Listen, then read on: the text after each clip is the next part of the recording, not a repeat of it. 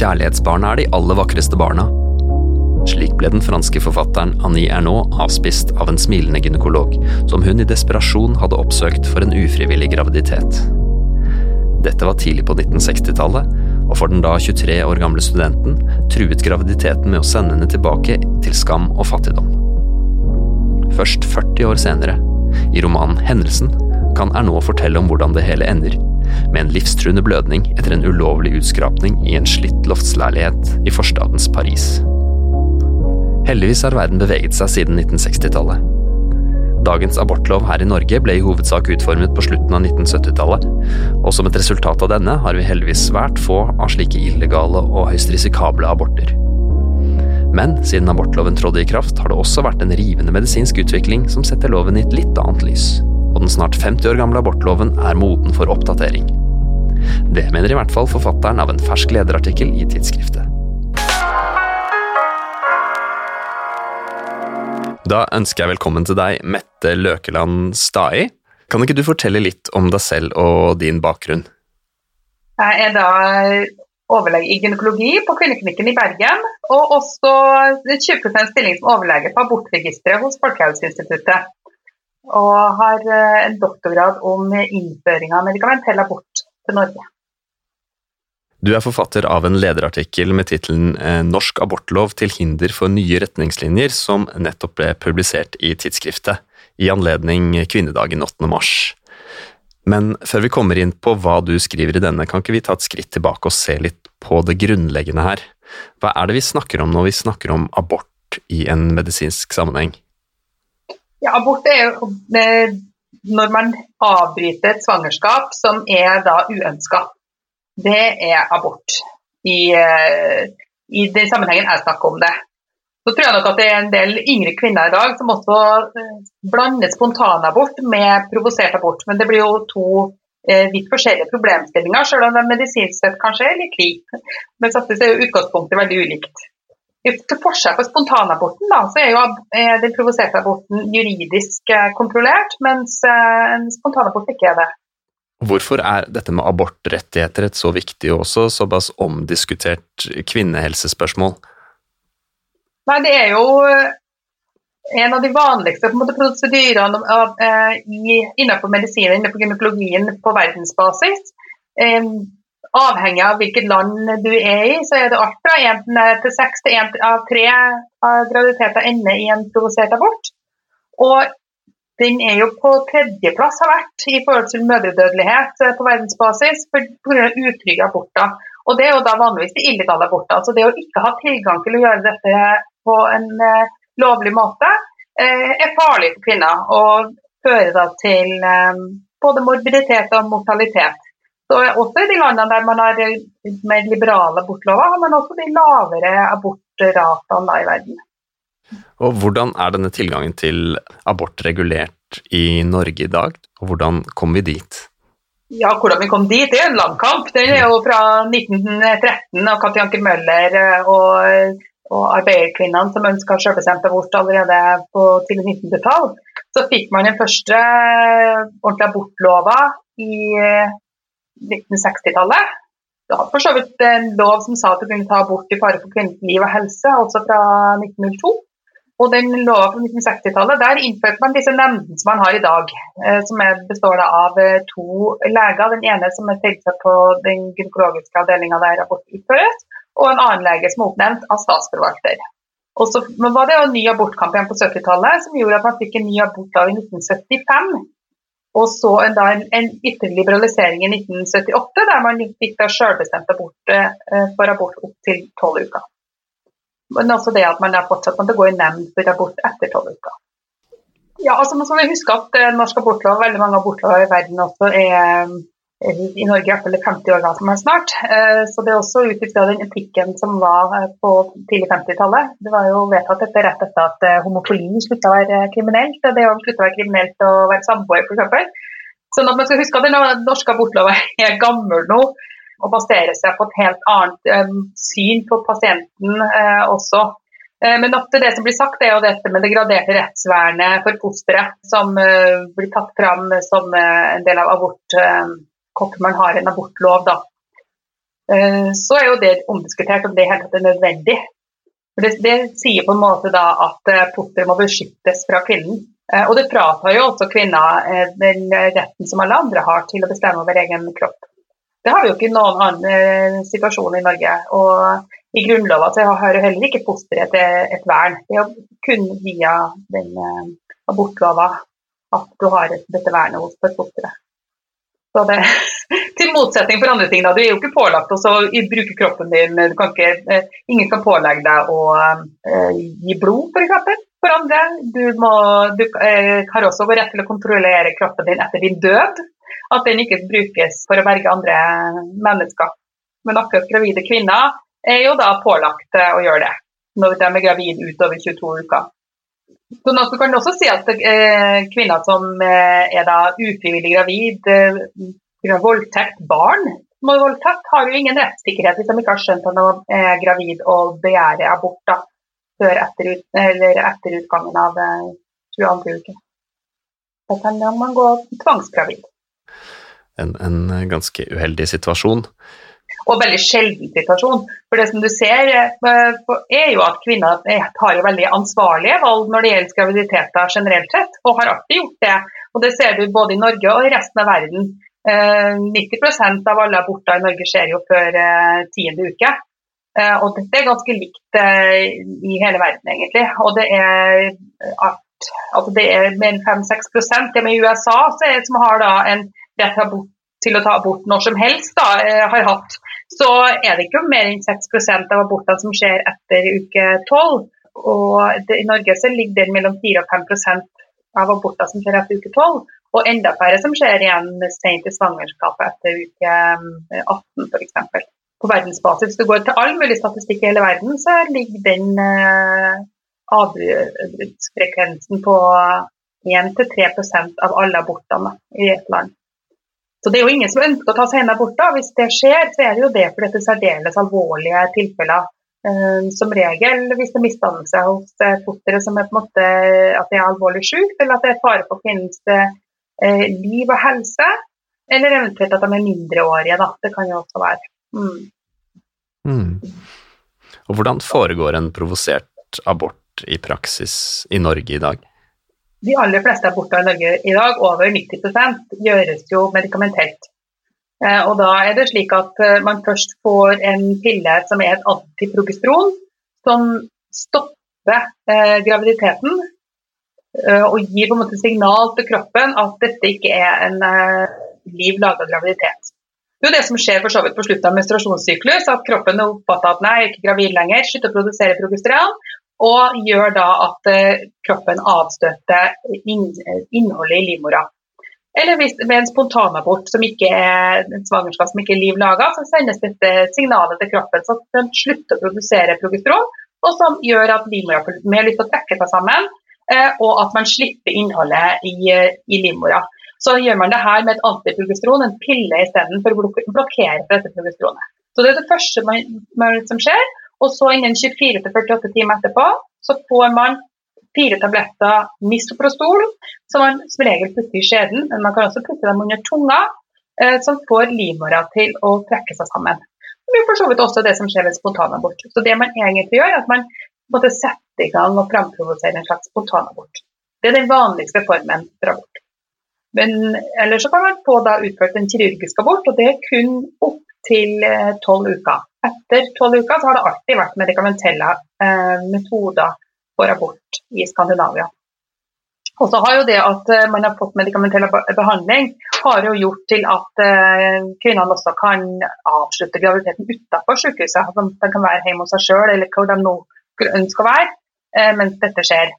Og det er det jo veldig mange som har ønsker, heller enn å ligge på sykehus eh, sammen med mange andre men så vil det jo alltid være noen som har behov for å være på sykehus fordi at de for å kjenne seg trygge, eller de kan ikke være hjemme. Eh, folk har jo veldig ulike livssituasjoner, ulike muligheter og ulike ønsker. Og det skal man jo også ta hensyn til.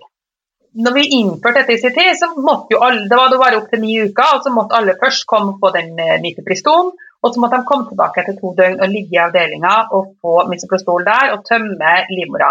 Og eh, flertallet er jo ferdig i løpet av fire timer så er aborten måte eh, ferdig.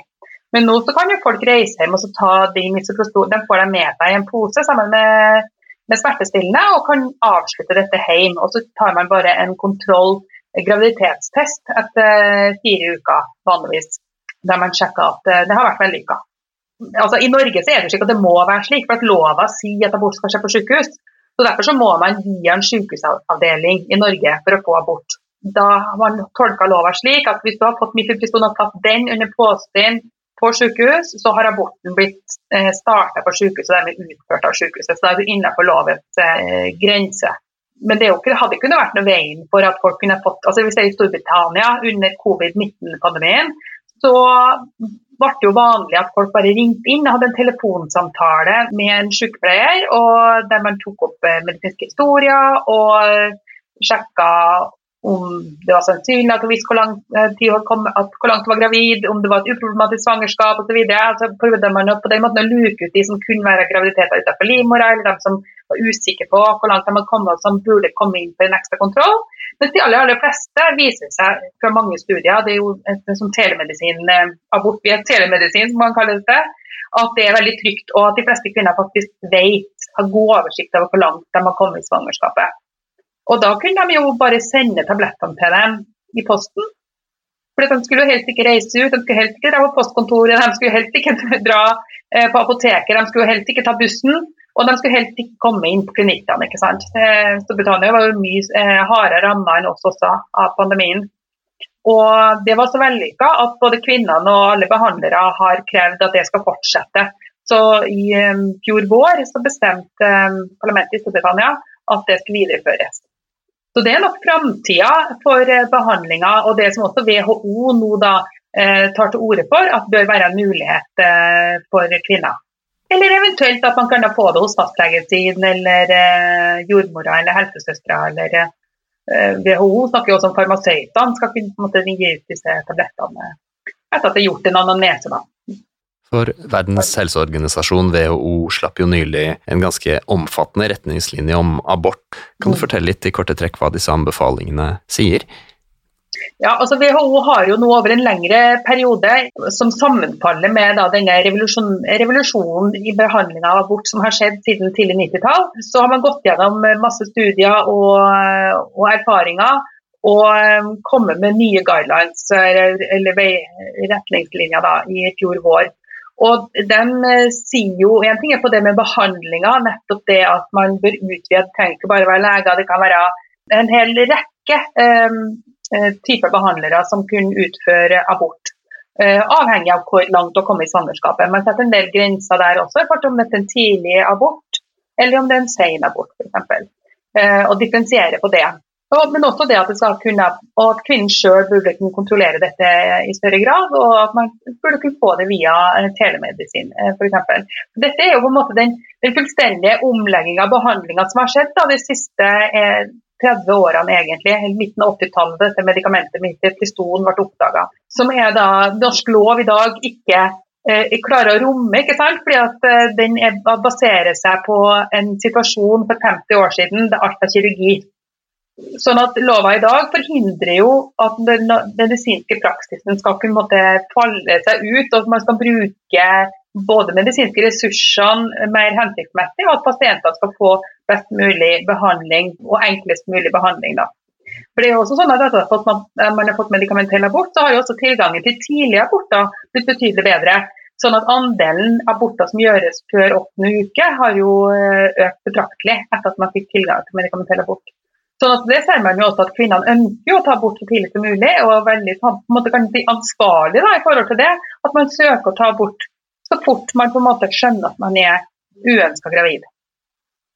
Eh, og For at vi skal på en måte få muligheten til å gjøre det i Norge, så må man jo endre, endre lova. Fordi at Lova sier at det skal være leger som skal utføre det, selv om vi på de fleste avdel, eller veldig mange avdelinger rundt omkring i landet nå, bl.a. på Kvinneklinikken i Bergen, så er det jo sykepleierne som tar hånd om denne behandlinga og gjør det på en helt ypperlig måte. Og så er det ved tvil, eh, og der de trenger eh, å rådføre seg med lege, så, så, gjøres det. Og Det vil jo være mulig også om man starter eventuelt på en helsestasjon eller hos fastlegen, eller hvem som eventuelt eh, nå vil gjøre det. da. I dag så tar jo alle ultralyd også, men det er jo egentlig heller ikke nødvendig da, for å bestemme svangerskapslengde. Det kan man jo velge å gjøre bare ved tvil om svangerskapslengde, eller tvil om det er en ekstraterin eller intraterin graviditet. Så det, så det, er den ene delen av det WHO eh, snakker om, som går på det rent medisinfaglige. Så snakker de jo også om det med at lovverket ikke bør ha restriksjoner i seg som gjør det vanskelig for kvinner å, å oppnå en abort. De fraråder bl.a.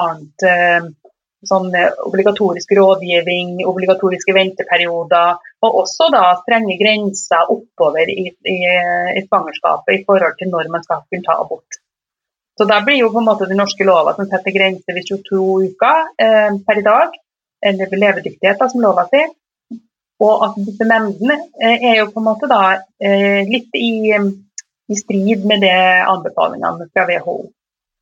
Og Grunnen til at de anbefaler dette, er jo fordi at uh, man ser jo at kvinner er jo ansvarlige, og det er veldig få aborter som skjer så seint, Men i noen tilfeller så er det nødvendig for kvinner å også kunne få abort senere uh, i svangerskapet det, det, måte, altså Allerede i dag er det veldig veldig få sant, som uh, tar abort etter 18 uker i Norge. og Stort sett så dreier det seg, uh, eh, 80-90 dreier seg jo om misdannelser hos fosteret og sykdom hos fosteret. Og Da er det jo grunnen for at det har skjedd etter uke 18, er også um, fordi at vi har hatt rutineultralyd ved uke 17, som gjør at disse misdannelsene ikke har blitt oppdaga før etter da. Så har vi nå nettopp fått, fått innført um, tidligere ultralyd, uke 12-13. Og da vil man jo kunne oppdage eh, ca. halvparten av disse misdannelsene tidligere enn det man gjorde før. Men type sånn hjertemisdannelser som organmisdannelser får man ikke oppdaga likevel. For det tar litt lengre tid før de faktisk har, har skjedd. Eller før hjerte og hjerne og slike ting er utvikla såpass at du kan uh, oppdage om, uh, om hjertet er misdannet uh, eller ikke. Så det, jo, det, vil jo uansett ikke kunne oppdages før etter uke 17-18. Men det betyr jo ikke at man eh, ikke har behov for å avslutte svangerskapet eh, i uke 22 allikevel. Hvis fosteret viser seg ikke ha nyrer f.eks., som ikke forenlig med liv. Og Det er jo selvsagt viktig for den kvinnen som går gravid, for det er en stor. Altså, det er jo en stor jobb en kvinne gjør i å gå gravid. Og Det blir jo tyngre og tyngre dess lenger ut i svangerskapet du kommer. Og Det er jo viktig at du skal få slippe å få den belastninga på kroppen din hvis, det, eh, hvis du ikke ønsker graviditeten eller eh, hvis det noe ikke kan bli liv laga likevel, da. Eller hvis du er syk. Altså det er jo de kvinnene som også de avbryter jo svangerskap også ved uke 23 og uke 24. Men stort sett er jo da ønska graviditeter der kvinnene eventuelt får en alvorlig preeklampsi, en svangerskapsgiftning, som gjør at det er fare for hennes liv. Da må man jo avbryte svangerskapet. For da kommer jo kvinnens helse eh, kommer først. Og sånn er det jo ikke alle, alle land i verden at kvinnens helse kommer først. Eh, og det, Derfor er det jo på det viktig å ha den type bestemmelser i lova. Og I Norge så hadde man jo den bestemmelsen at kvinnens liv faktisk kommer først. Det, det var innført allerede på slutten av 1800-tallet. Mens i Nicaragua, Honduras og eh, El Salvador så er, kommer ikke kvinnens liv først. Og ellers har du jo de mindreårige og Argentina f.eks. De har jo også et vedtak at selv om de har selvbestemt bort til 14 uker pluss 6 dager, så er det også noe sammen hvor du er i svangerskapet. Da har du rett til å begjære abort hvis du er uh, utsatt for en voldtekt. Det, det, har vi jo hatt tilfeller av kvinner som har vært uh, på flukt, blitt voldtatt uh, mens de har vært på flukt, og ikke har, enten ikke har skjønt det tidsnok innen de kom til Norge, i hvert fall ikke klart å begjære aborten da, før de har kommet over 22 uker, så må de jo fullføre det svangerskapet. Da må de bruke sin egen kropp, utsette seg sjøl for risiko eh, for å bære fram voldtektsmannens eh, barn. Hvordan stiller dere fagfolk dere til å utføre den typen eh, aborter? Nei, altså, Vi setter jo i gang svangerskap for eh, kvinnens helses skyld, eh, eller dette skal jo gjøres for kvinnens skyld. Vi er jo der for pasientene våre. Vi er jo ikke der for oss. Poenget, men poenget også, sånn som med senaborter i dag, så har du jo den saka fra, fra Rikshospitalet ikke sant? der de jordmødrene var um, syntes det var vanskelig. og Det kan man jo også skjønne. Man jobber veldig mye med prematurt eh, og eh, kontra aborter. Og det, Saken er jo det at årsaken til hvorfor kvinnen har fått innvilget abort, eller hvorfor hun trenger en abort, det er ikke hun forplikta til å fortelle helsepersonell. Så vi må på en måte stole på at nemnda i de tilfellene, men også kvinnen da har en god grunn for det her. ikke sant? Sånn at det har vært, har jo vært helsepersonell som har syntes det har vært vanskelig å skulle utføre abort altså når du passerer 20 uker, da, fordi at eh, foster kommer ut og viser tegn til liv. Så har vi Per i dag så har vi jo helsepersonell også en rett til å reservere seg fra å utføre eh, og assistere ved inngrep, men ikke for å håndtere komplikasjoner eller for å håndtere pleie og omsorg eh, for denne pasientgruppa. Det er en, det er jo en rett man har i, i Norge, som man f.eks. ikke har i Sverige. Så skal man også tenke at uh, man må jo velge man, hvilke områder innenfor medisin man sjøl syns er komfortabel med å jobbe. Da. Sånn vil det jo være veldig mange jobber her i, her i verden. Du har vært inne på det fra flere vinkler, egentlig, men hovedpoenget i denne lederartikkelen som du skriver i tidsskriftet, er jo at det norske lovverket kommer i konflikt med retningslinjene som har kommet fra Verdens helseorganisasjon. Kan du ikke fortelle litt hvordan lovverket kolliderer med disse? Hovedsakelig så er, Det ene er jo nettopp det med at, det, at eh, abort må skje på sykehus. Det forhindrer oss jo i å ta i bruk alle de mulighetene det er nettopp med telemedisin og det å få abort ut i primærhelsetjenester, som for så vidt er generelt et ønske, sånn at man er taskskift, ikke sant? og så behandler på minst mulig, lavest mulig nivå. Er god ressursbruk i helsevesenet. Eh, så er det det at lova sier at det skal utføres av lege, som heller ikke er nødvendig da. Det viser jo også eh, studier. Så vi, måte, den lova per i dag forhindrer oss i å, i å utvikle og ta i bruk eh, mulighetene som den medisinske teknologien gir oss. da.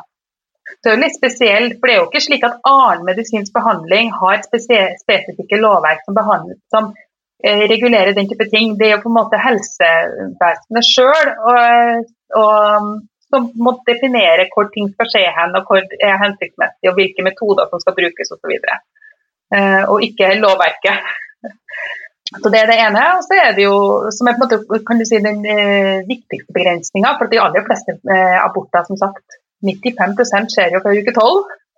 Uh, og og 90 skjer for uke 10 og kan i prinsippet ut fra våre retningslinjer i dag egentlig kvinner utføre hjemme og kunne ha uh, fått gjort via telemedisin uh, ut ifra godt etablerte internasjonale forskning og retningslinjer. Sånn at 90% av abortene kunne vært håndtert på en helt annen måte enn de gjør i dag. på et helt annet nivå. Så Det er den viktigste begrensninga.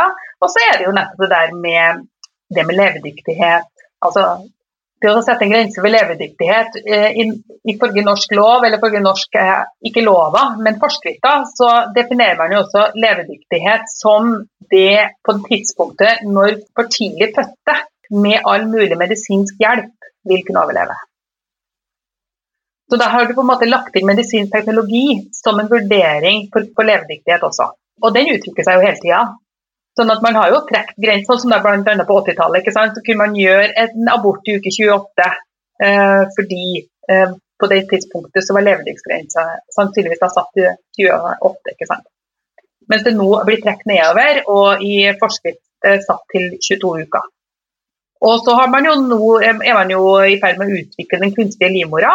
Og da vil man jo eh, forbedre overlevelsen også for, eh, for tidlig fødte. Det er jo type sånn avansert kuvøse når blir foster levedyktig da? Hvordan skal du definere det da? Det, altså, de setter en del medisinske problemstillinger. da. Så jeg tenker at det er på en måte ikke mulig å ha i en lovtekst eh, i dag. Og det er også nye lovverk som skjer rundt omkring i verden. Eh, som, eh, det er jo flere som liberaliserer lovene sine for tida. Så setter de jo heller mer sånn, sånn ikke absolutt eh, grenser, men de setter kanskje selvbestemt grenser på 20 uker, 22 uker osv og, eller 14 på 6, da, som Argentina har gjort. 24 uker.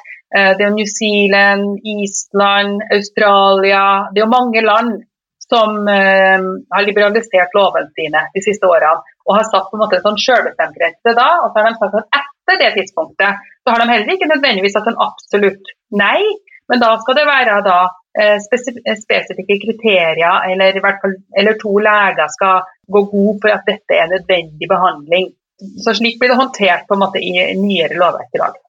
Det er jo bare en del av en trend når abortutvalget nå er satt ned for å eh, se på lova på nytt.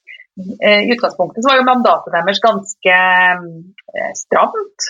Og eh, de har jo vært ute nå før jul og sagt at de kommer til å se på hele abortlova, og ikke bare det som står i mandatet. Fordi de har skjønt at en 50 år gammel lov trenger, trenger modernisering bare i kraft av at det har skjedd så mye på 50 år. Så det blir jo eh, interessant å se hva de ender opp med der. Og nå, Det siste jeg hørte, var jo det at Danmark driver også nå og snakker om å utvide selvbestemmelsesretten. Så nå, Den debatten har jo også starta der. Finland har jo nettopp i høst uh, innført selvbestemt abort for første gang. Det hadde de jo ikke. Uh, til tolv uker. Og også åpna opp for at abort skal kunne skje utenfor sykehus. da. Vi vet også at Sverige uh, driver og jobber for å kunne få mulighet til å ta abort utenfor sykehus. Nettopp for at de skal kunne følge eh, den medisinske utviklinga. Sånn at lovverket harmonerer med, med, samfunnet. Og utvalget er ventet å levere en utredning mot slutten av året? Ja, det er det de sier, at det er da de skal levere sin, eh, sin uttalelse. da. Har du noen tanker om hva som burde komme ut av den utredningen? da? Nei, i hvert fall at den da samsvarer med den medisinske teknologien og utviklinga i forhold til eh, helsevesenet i dag og samfunnsmessige eh, syn og pasientrettighetslover osv. Det forventer jeg jo at den er, i samsvar med det. Og en annen ting er hva jeg ønsker. Altså, jeg, jeg tenker jo at man må fjerne nemnden helt. Og jeg tenker jo også at levedyktighet eh, som eh, grense i lova bør ut. Og at det ikke skal være en sånn absolutt grense. Jeg tenker jo at En tolvåring som ikke har skjønt at den er gravid for etter uke 22, bør ha en mulighet til å få et svangerskapsavbrudd. Voldtatte kvinner. Det tenker jeg. Jeg tenker at Man, man må være forsiktig med den absolutte øvre grensa. Det er ikke nødvendig. Det er jo det WHO sier. Ikke minst så viser jo all forskning, all statistikk viser oss at folk er ansvarlige, og at uh, alle syns at en seinabort er, er siste utvei. på at, det ikke er, at det blir bedre å ta en tidlig abort. Da. Det, det syns jo den kvinna som var gravid, og det syns jo absolutt alle. Og alle syns at det bør være en alvorlig grunn for å ta abort seint. Og det er alvorlige grunner, og det er jo det du ser også på nemndene. ikke sant? Eh, for nå, sånn som det er i dag, så er jo over 95 av eh, alle kvinner som går i nemnd, får jo innvilga abort. Og det er jo fordi nemndene er enige med dem. Er abortrettighetene under press, vil du si, i noen deler av verden? I noen deler av verden er jo det, men den generelle trenden i verden er jo en liberalisering. Men så har du fem land, det har vært en innskjerping da, de siste 10-20 årene. Og det er da Honduras, Nicaragua, El Salvador, Polen og USA. Hva er det som skjer der? Uh, nei, De der latinamerikanske landene der er det jo to absolutt totalforbud. ikke sant? Som også har jo ført til at det er kjempefarlig å være, altså bare det å være gravid utenfor livmora, eller at du føder prematurt. altså sånn at Det kan jo også gjøre at kvinner har blitt fengsla for uh, drap. De har vært fare for deres eget liv også midt oppi det her. Eh, I Polen så har du jo eh, også hatt eh, restriksjoner. sånn at Når du kommer under et visst nivå, altså bare handler om at du har rett til abort ved fare for kvinnens liv og helse, eller kvinnens liv, eventuelt misdannelser, så, så fjerner det egentlig i realiteten de fleste tilganger til abort. Så polske kvinner må jo reise for å få abort. Og så blir det en kriminalisering som også gjør at man kan begynne å gå etter etter kvinner og straffe dem for eventuelle spontanaborter osv. Det, det kan jo også komme gjerne i kjølvannet av dette, ikke sant? som det skjer eh, i eh, Latin-Amerika. Og som det også blir trua med i en del amerikanske stater. For Det som har skjedd i USA, er jo denne med den Dobbs decision, som har eh, opphevd på en måte den høyesterettsdommen fra 70-tallet, Roe v. Wade, som har sikra kvinner rett til abort. Så nå er det opp til hver enkelt stat og sikre tilgangen til abortrettigheter. Og Der er det veldig veldig stor variasjon. Det er jo masse gledelige ting i kjølvannet også av dette i forhold til diskusjonen om det. Eh, og man tror jo, blant, mener bl.a. at republikanerne gjorde det relativt dårlig i mellomvalget pga. Dobbs decision. Sånn at eh, det er nok en stor motstand i befolkninga også mot opphevinga og innskjerpinga av av rettighetene til abort. Eh, så har FDA, altså Federal Drug Administration, de har jo sørga for frislipp. altså eh, Den kontrollen på mifepriston, som jo er kjempestreng også i Norge, det er faktisk bare avdelinga som har rett til å utføre abort, som får tilgang til å ha mifepriston. Du kan ikke kjøpe det på resept eller, eh, eller på resept. Og det Samme har det jo vært i USA, det har vært sterke restriksjoner rundt dette, men det har FDA da oppheva. Så man kan eh, nå skrive ut resept på eh, men man har lov til å sende det i posten. Og Det er jo en restriksjoner som er, forsøk, er løfta også i andre land. Tyskland har også løfta restriksjonene sine på, um, på mikrofriston. Og Det som man har sett nå, da, er jo at uh, man har fått uh, betydelig sånn, uh, salg eller transport av, av mifepriston, altså disse abortpillene, da, i posten i USA. Dette med lettere tilgjengelighet av uh, mifepriston f.eks. er noe, noe som også kanskje burde skje i Norge? Ja, det, det, det, må jo være nødvendig. Det blir jo nødvendig da, hvis man skal få eh, eh, ut hos eh, i primærhelsetjenester og eventuelt som telemedisin. Da. da har det jo vært noen som snakka om at ja, men WHO er ikke det bare for u-land?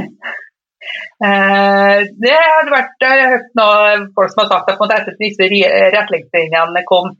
Eh, og så kan du si at ja, for oss så har det kanskje vært det, for vi har ikke tenkt å forholde oss til det vanligvis. For vanligvis så ligger vi foran WHO ikke sant, i retningslinjene. Eh, for vi har hatt bedre og høyere medisinsk standard. så det, det ikke, Vi kan skjele til det, men vi vil alltid på en måte uansett ha dekket opp. Men dette er første gangen da, da vi ikke klarer eller ligger foran eh, eller klarer å følge WHO eh, sine retningslinjer. Etter hvert i, i, forhold til den vestlige verden da, så begynner vi å ha mer restriktiv, en ganske restriktiv abortlov. I hvert fall ikke ha de mer liberale. Det er mange som ligger foran oss for å si det sånn. Vi trenger, vi trenger å endre lova for å eh, komme i takt med medisinsk utvikling. Og kunne oppfylle og følge eh, medisinsk utvikling til det beste for pasientene våre.